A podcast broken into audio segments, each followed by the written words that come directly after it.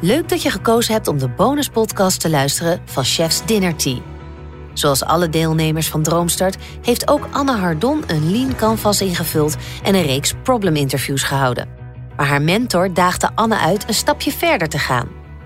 In deze aflevering hoor je interessante fragmenten uit de gesprekken die Anne voerde met haar mentor Ilias Nasrullah. Ik ben uh, Ilias Nasrullah. Ik heb uh, informatica gestudeerd aan de TU Delft. Ik heb uh, vanuit mijn studie verschillende dingen gedaan. Ik ben begonnen in de start-up wereld. Niet als ondernemer, maar wel bij een start-up die nog best klein was toen ik daar begon.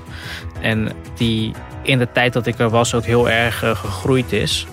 en vanuit die ervaring heb ik heel veel geleerd over producten ontwikkelen, producten in de markt zetten, hoe je een bedrijf laat groeien.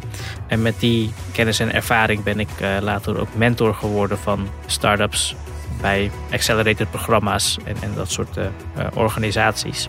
Ik heb zelf een tijdje in Taiwan gewoond, daar komt mijn vrouw ook vandaan. Uh, dat is waar mijn persoonlijke theepassie ook vandaan komt. en dit is de reden waarom ik graag coach wilde zijn van jouw bedrijf. Ja, superleuk. Ja. omdat ja, ik, ik vind het ook leuk. En ik wil ook graag zien hoe je thee naar, naar de mensen in de westerse samenleving kan brengen. En of wat überhaupt kan. Wat, wat mij opvalt, is dat als ik naar, naar Taiwan kijk bijvoorbeeld. Dan eh, het, het idee van het paren van thee met, met je eten, dat, dat gebeurt niet echt. En um, het, eh, als we het over het avondeten hebben, dan wordt er ook eerder na het avondeten tegedronken dan dat het per se tijdens het avondeten is. Het gebeurt allebei, maar uh, er is ook veel meer een beleving na, na het eten.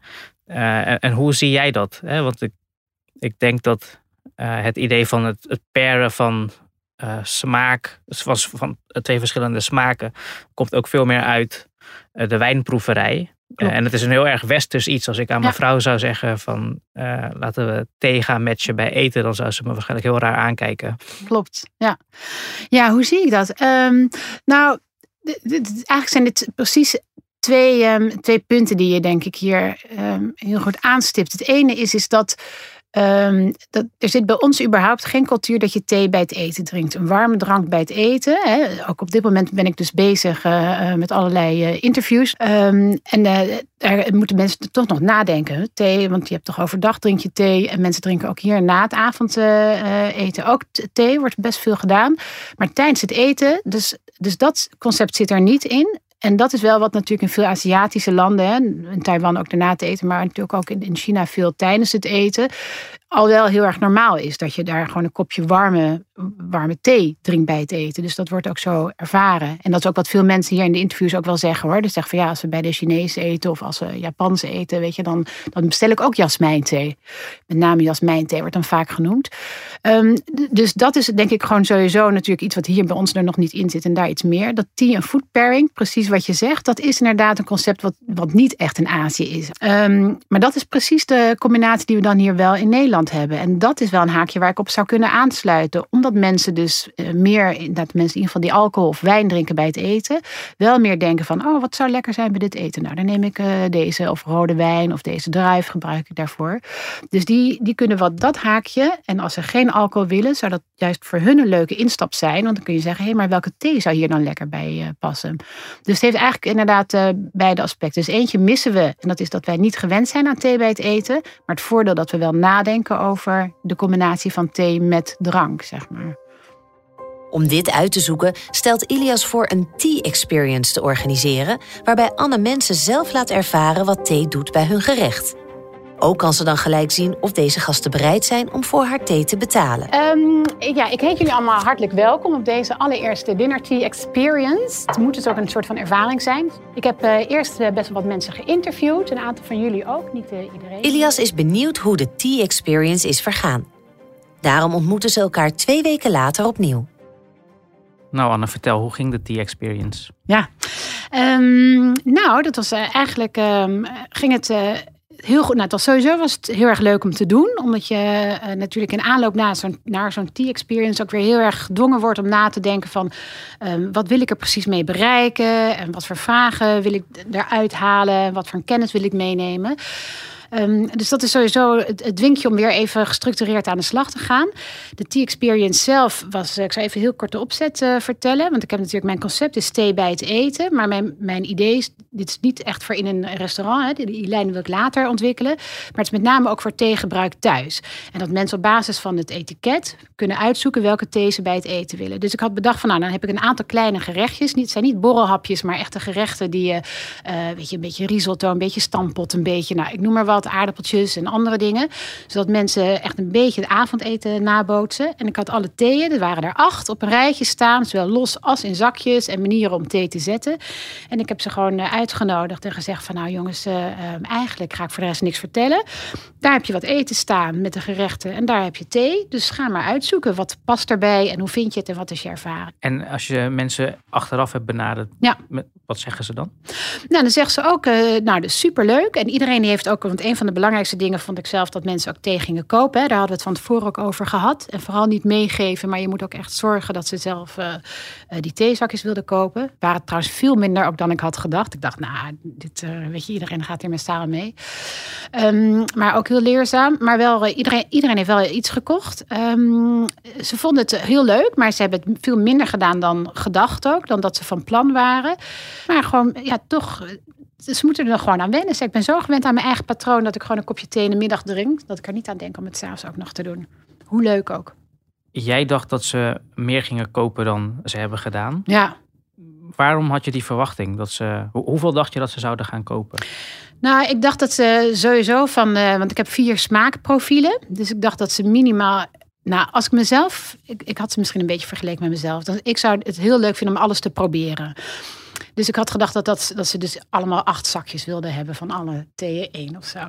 Ze hebben maar een paar theeën geproefd. Hè. Het was maar anderhalf uur en een paar gerechtjes. Ze een beetje de kennis met elkaar uitgewisseld. Dus eigenlijk hebben ze de theeën gekocht die ze lekker vonden. Ja, dat is natuurlijk heel logisch. Had ik het van tevoren ook wel kunnen bedenken. Maar... Ja, ja, je had het van, van tevoren kunnen bedenken. Maar weet je, dit is precies de reden waarom het goed is om dit soort sessies te doen. Want uh, nou, het is eigenlijk helemaal niets. Weet je, je zit in je eigen gedachtenkronkels uh, of in je eigen tunnel. Ja. En um, zodra je met mensen in aanraking komt en vooral zodra je begint te verkopen, um, nou ja, dan is het gewoon de realiteit. En dan zie je hoe wat voor keuzes mensen echt maken. Ja. En daarom is het goed. Dat is precies de reden waarom ik ook toen voorstelde van ja, precies. je moet dit doen, want dan leer je hoe mensen zich echt gedragen.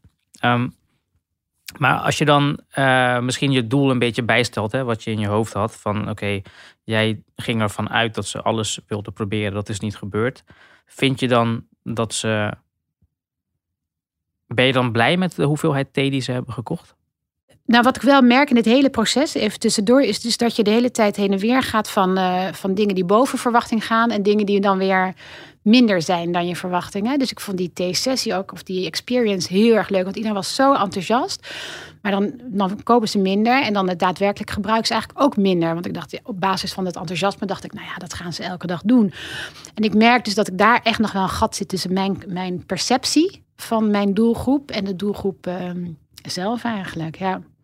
Ja, maar dat is een heel, een heel goed inzicht. Um, maar misschien zit daar ook juist wel iets. Ik heb je deze vraag al eens eerder gesteld. Is jouw doel dat mensen, net als jij, dagelijks thee gaan drinken? Of hoe zie je dat voor je? Ja, ja dus dat is, dat is één doel. Hè? Um, maar is dat een realistisch doel? Um, nou ja, zeker. Ja, echt. Ja, dat denk ik wel. Ja, ja en niet, niet heel Nederland of zo in één keer. Maar ik denk wel een, eh, een grote groep. Ja, denk ik echt wel. Dat dat echt wel realistisch is. En, en definieer een grote groep eens. Dus hoe groot is die dan?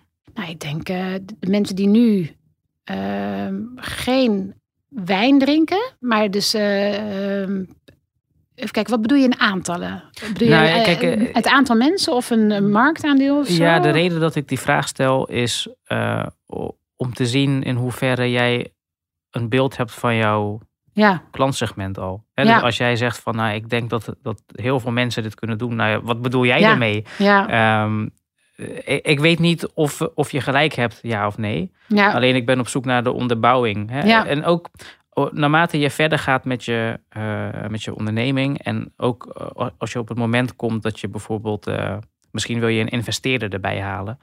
Um, dan moet je dit soort ja. uh, vragen eigenlijk automatisch kunnen, kunnen. beantwoorden. Ja. Dus als, als, iemand, als jij zegt, eh, nou heel veel mensen willen het, dan krijg je vanzelf de vraag hoeveel mensen dan? Ja, Eh, welk percentage van mensen in Nederland of, of eh, absolute aantallen? Ehm, en dat moet je dan weten van hoeveel mensen ehm, eh, kan ik eh, vrijwel direct gaan benaderen en hoeveel mensen zou ik kunnen gaan benaderen als ik mijn eh, marketing en mijn reclame en dergelijke ga, ga opschalen. ja. Daar moet je een beeld bij hebben. Het is een soort van, ehm, dat wordt wel eens het investeringsmachientje genoemd. Van hoeveel moet ik erin stoppen en hoeveel krijg ik er dan uit. En dat zijn eigenlijk dit soort, eh, dit soort aantallen heb je dan gewoon nodig om het, om het te berekenen. En het zijn simpele berekeningen, alleen het is moeilijk om aan die getallen te komen. Want Nou, dat is, precies. nee, maar van die getallen, want dat zijn vaak dan ook al marktonderzoeken. Hè? En een deel die worden sowieso al gedaan, volgens mij, door gewoon eh, verschillende eh, segmenten of sectoren. Maar is, is, is dat informatie waar ik ook makkelijk aan kan komen? Bijvoorbeeld, is er, zijn er onderzoeken of koop je die of zo, waar, waar, waarin bekend is hoeveel, wat drinken mensen bij het avondeten of zo? Heb je, of moet ik, dat allemaal zelf gaan geen, doen Ik of heb zo? daar zelf geen beeld van. Eh, dat soort onderzoeken zullen vast gedaan worden hoor. Ja. Dat- dat zouden we gewoon moeten opzoeken.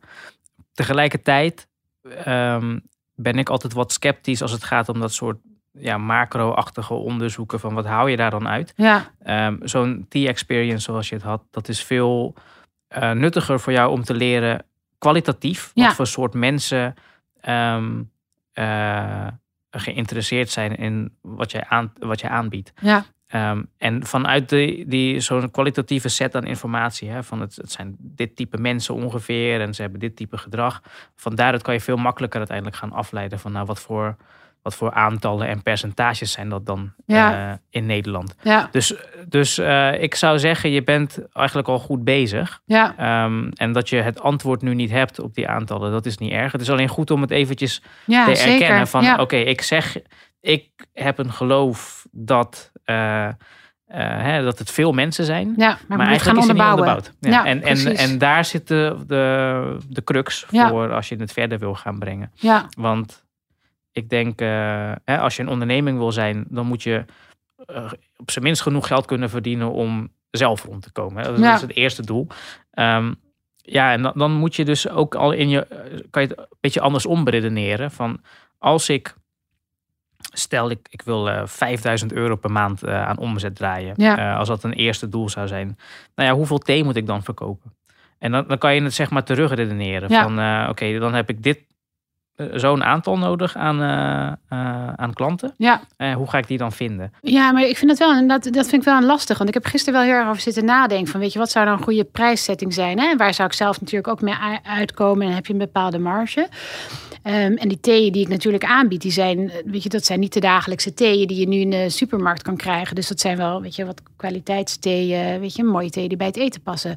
Maar tegelijkertijd is het natuurlijk ik zou willen dat het een dagelijkse eh, eh, drank is. Of een eh, nou ja, ritueel klinkt wat overdreven. Maar dat mensen het gewoon gaan doen. Maar dan wil ik het dus ook weer niet te duur maken. Dan wil ik het niet te exclusief maken. Dus die exclusieve lijn die wil ik dan bewaren voor de exclusieve lijn. Snap je wat ik bedoel? Dus, maar dan weet ik niet zo goed hoe ik daar dan mee moet beginnen. Dus, dus mijn idee zou juist zijn dus om wat lager te beginnen. Weet je, ik hoef niet direct de wereld aan de winsten binnen te halen. Want ik wil ook de markt binnenhalen, zeg maar. Dus ik, ik weet niet waar dan zo'n punt zit. Ja, dit doet me denken aan de eerste aflevering van de podcast. En dan ging het over de zadelmaker. En dan hadden we precies dezelfde ja, precies. discussie. Ja, klopt. Ja, ja, ja. Eh, eh, eh, je hebt verschillende strategieën om een markt te betreden. ja.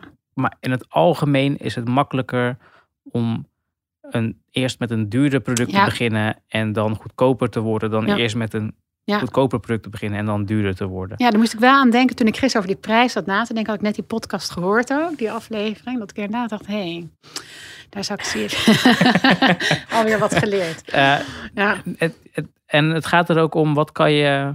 Dit is ook weer mijn aanpak. Ja. Wat gaat in het begin het makkelijkst? ja, Eh, ik denk dat, dat als je je eerst gaat richten op dagelijks, dagelijkse consumptie van jouw thee, ja, dan ben je verschillende problemen tegelijk aan het oplossen. Want mensen gaan niet die stap zetten, denk ik, in Nee. één keer van, van het is je gewoonte niet en dan ga je ineens dagelijks thee drinken. ja, Eh, wat moet ik met 60 zakjes? Eh, hè, als je, de, ja. dus, dus die stap is heel Ja. groot. Terwijl misschien is de, de, de, s- qua prijs is de stap niet groot, maar qua wat het van je vraagt en qua gewoonte is de stap wel heel groot. Ja. Terwijl ehm, een grotere prijsstap, maar het, heeft minder gewoontevorming nodig, is misschien makkelijker. Maar wederom, ik zeg misschien, Ja. dat zijn precies die dingen die je moet gaan, gaan Ja. uitvinden. Ja. Maar het kan nooit kwaad om duurder te beginnen en lager uit te komen uiteindelijk. Ja, De T-Experience is nog niet het verwachte verkoopsucces gebleken. Is er voor Anna nog een andere optie die haar wel helpt bij het aan de man brengen van haar concept? Oké, dit is één route. Ja. Ehm, ik denk dat abonnementen aanbieden is ook, eh, bl- blijft een logische stap. En dat heeft ermee te maken dat. ehm, waar kan ik het mee vergelijken? Kijk, eh, je moet altijd kijken naar het, de, de verhouding tussen je acquisitiekosten, hè, de- Ja. hoeveel geld het kost en hoeveel tijd het kost om een klant te werven, en hoeveel geld een klant eh, jou oplevert. En kijk, met zo'n experience ben je best wel veel tijd kwijt om, eh, om het op te zetten. Dus je hebt hoge acquisitiekosten en, eh, en je verkoopt het daar eenmalig op dit moment. Ja. Dus ik zou ook gewoon direct een abonnement aanbieden. Want met een abonnement zorg je ervoor dat eh, je verlengt zeg maar de periode dat iemand jouw geld betaalt. Dus, de, dus hoeveel het jou oplevert, dat wordt meer. ja, Ehm, dus dat is een, dat is een hele eh, nuttige eh, manier. Maar het blijft een heel erg intensieve manier om, om je product te verkopen. Dus als je het vergelijkt met een auto bijvoorbeeld.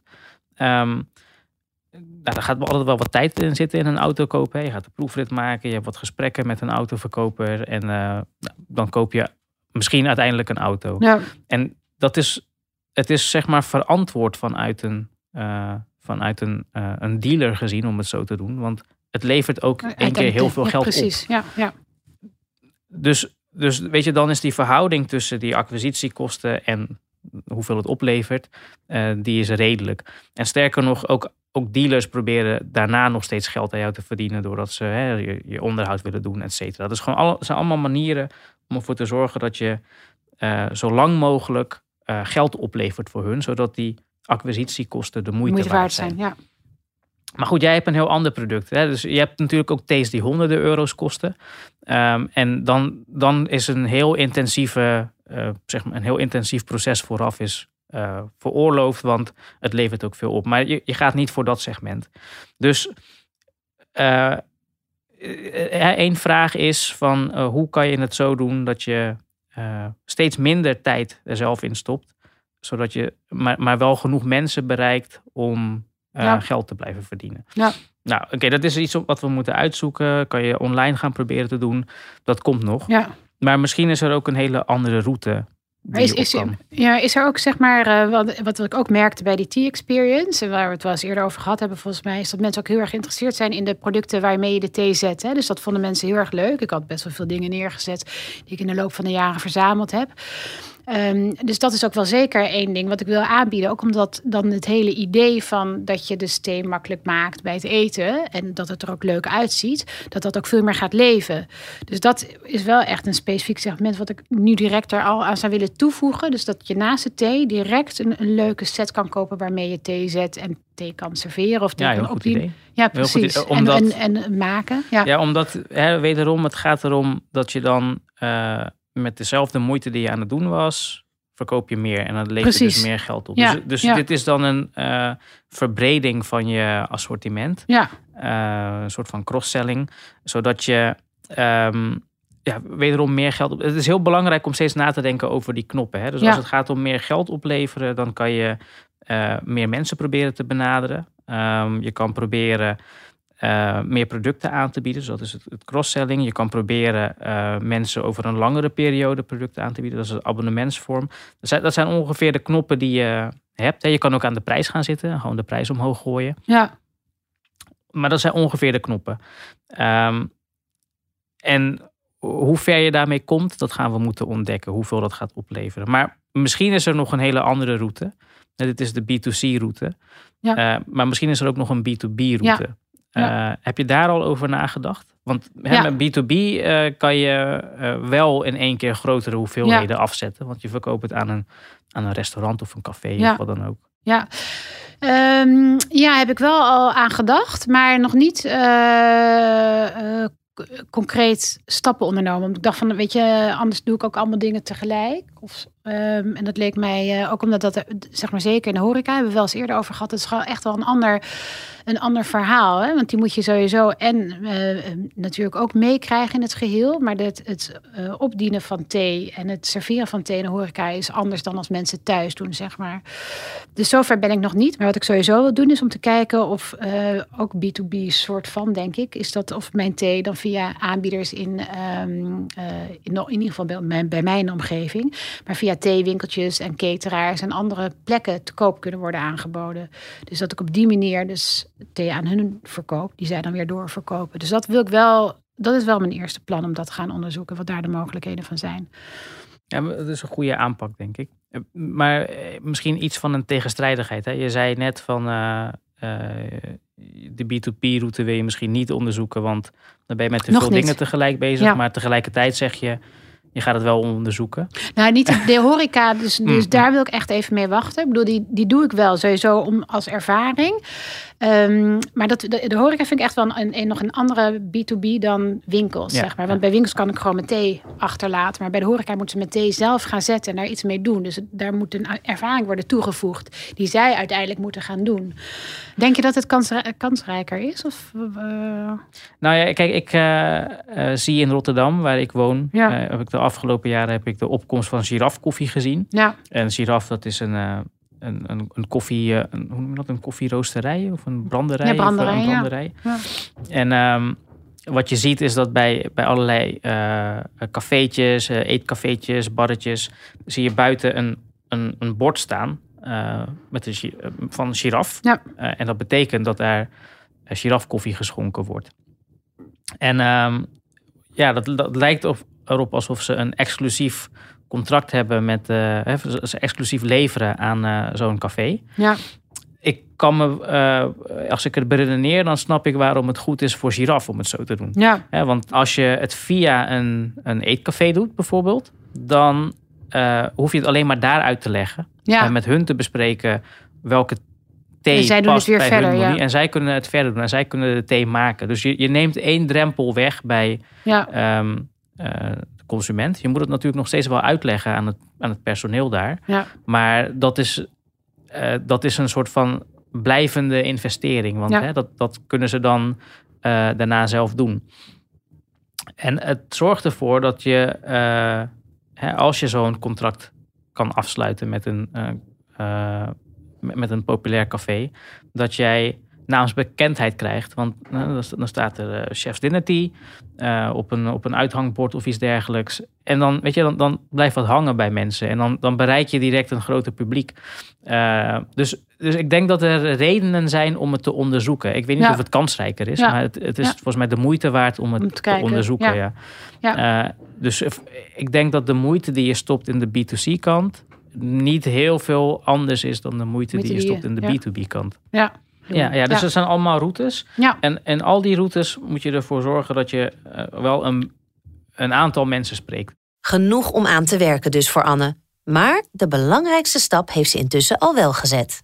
In ieder geval waar ik sowieso mee ga beginnen, want ik dacht natuurlijk, ik moet iets te vertellen hebben aan jou, als ik ja, vandaag weer zie, is dat ik in ieder geval een afspraak heb gemaakt bij de Kamer van Koophandel, maandag. Dus uh, dan uh, gaat hun eigen bedrijf live. Jee, gefeliciteerd. Dus, uh, ja, dus dan denk ik, dan kunnen we daar in ieder geval, kan ik ook gaan inkopen natuurlijk. Dus dat begint dan wel wat serieuzer te worden of handiger. Ja, nou ja, het is altijd goed. Kijk, ik, dat, dat is mijn ervaring. Dat als je eenmaal ingeschreven bent, dan heb je ja. je, je je, je btw-aangiftes en dergelijke die je moet doen. En als je, als je een, een nul aangifte moet doen, hè, dus een aangifte waar ze ik heb niks ik heb geen omzet gedraaid.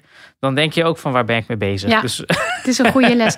nou ja, dat. En wat ik wel heel erg merkte, moet ik zeggen, is dat je zelfs, want daar hebben we het wel eens vaak ook over gehad, als je hebt over hobbels waar je tegenaan loopt, is dat je best wel veel dingen nog niet weet. Of dat je de hele tijd wisselt qua gedachten. En een van de dingen waar ik dus ook dan weer mee zit, of zat, dacht van, goh, is dit eigenlijk wel de goede naam? Op een gegeven moment kreeg ik het, dacht ik, misschien heb ik wel de verkeerde naam gekozen.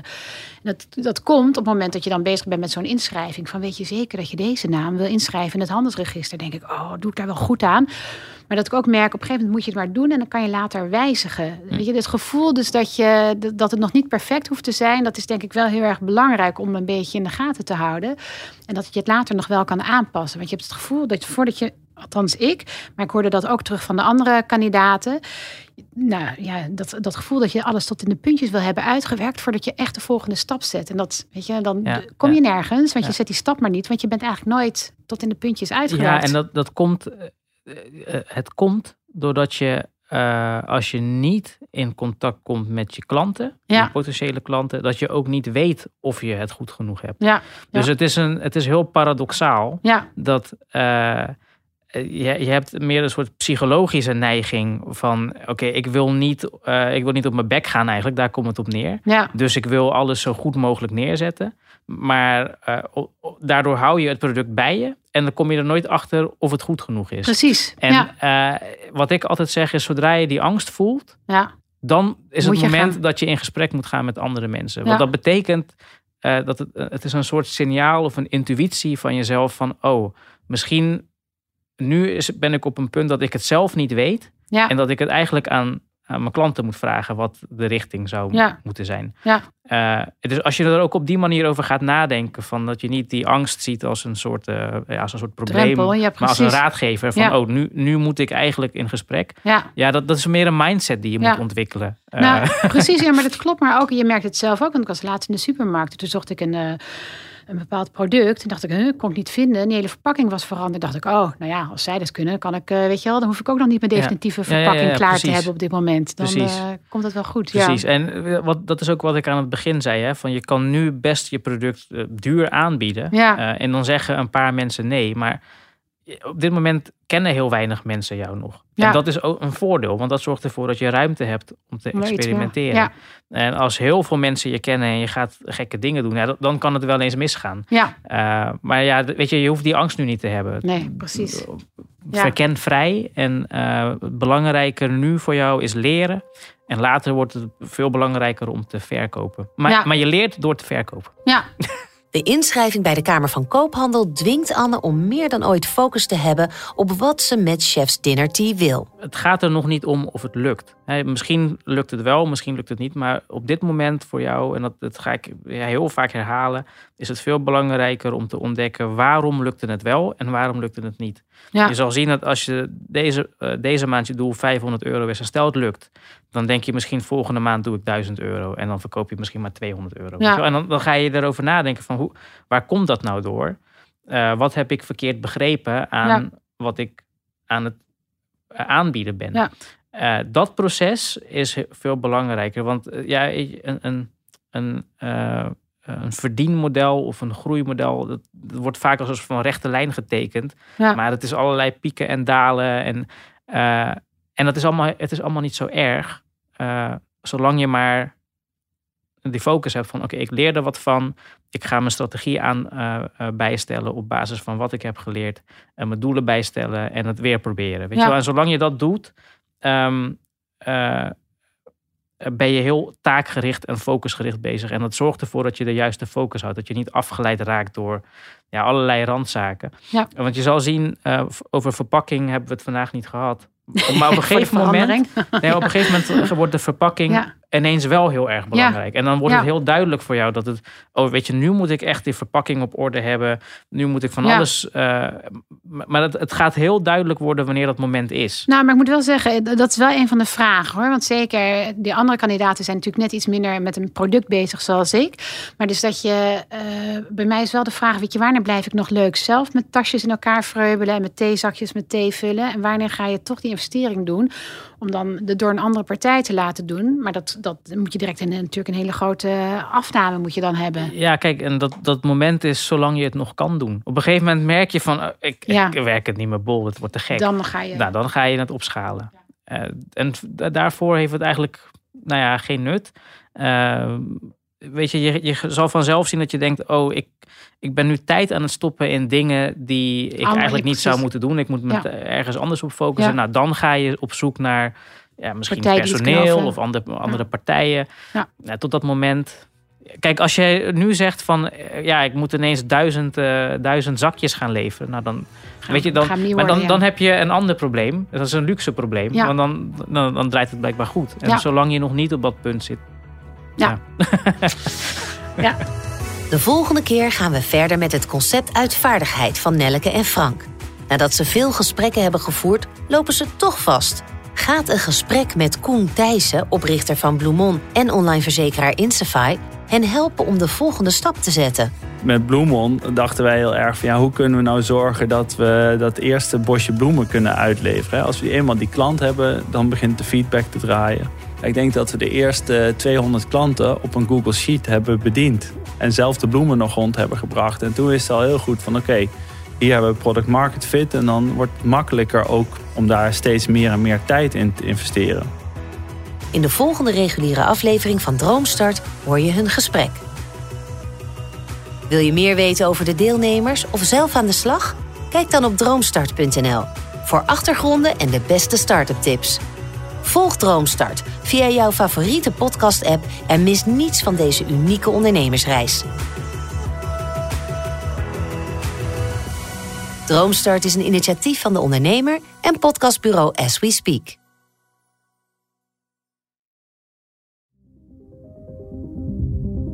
Het handelsregister in Nederland telt ruim 50.000 ondernemers van 21 jaar of jonger.